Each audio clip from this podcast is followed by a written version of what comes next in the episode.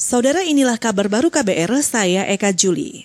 Menteri Koordinator Bidang Politik, Hukum, dan Keamanan Menko Polhukam Mahfud MD meminta polisi menghindari pelanggaran hak asasi manusia atau HAM dengan bersikap humanis dalam menjalankan tugas dan wewenangnya.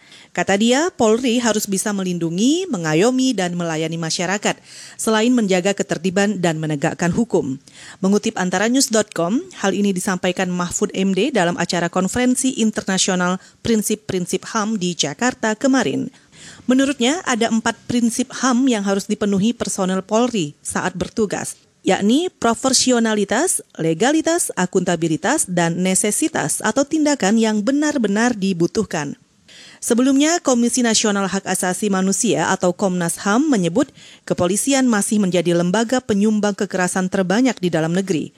Sepanjang 2020 terdapat 640-an kasus kekerasan negara yang ditangani Komnas HAM dan 260-an kasus di antaranya melibatkan polisi. Kita ke informasi lain. Ketua Komisioner Otoritas Jasa Keuangan atau OJK Wimbo Santoso berencana akan mengkaji ulang izin penggunaan debt collector atau tenaga penagih.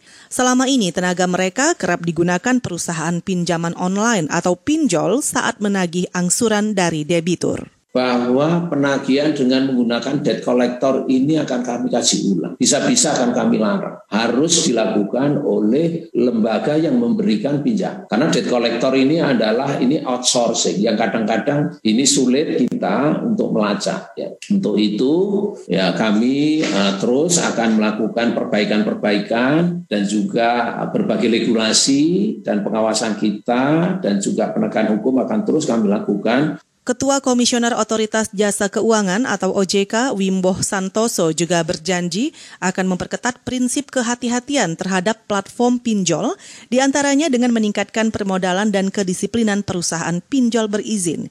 Berdasarkan catatan OJK, total peminjam per Desember 2021 lebih dari 73 juta entitas dengan pemberi pinjaman 800-an ribu entitas. Hingga kini OJK sudah menutup 3.780-an platform pinjol ilegal. Kita ke berita olahraga. Menteri Pemuda dan Olahraga Menpora Zainuddin Amali memahami keputusan PSSI dan pelatih timnas Sintayong yang mundur dari Piala AFF U23 2022. Timnas U23 mundur dari turnamen itu lantaran kekurangan pemain karena terkena COVID-19. Menpora dalam rilisnya hari ini memaklumi situasi yang terjadi yang tidak bisa dipaksakan. Karena itu ia meminta PSSI fokus pemulihan dan penyembuhan pemain yang terinfeksi virus corona.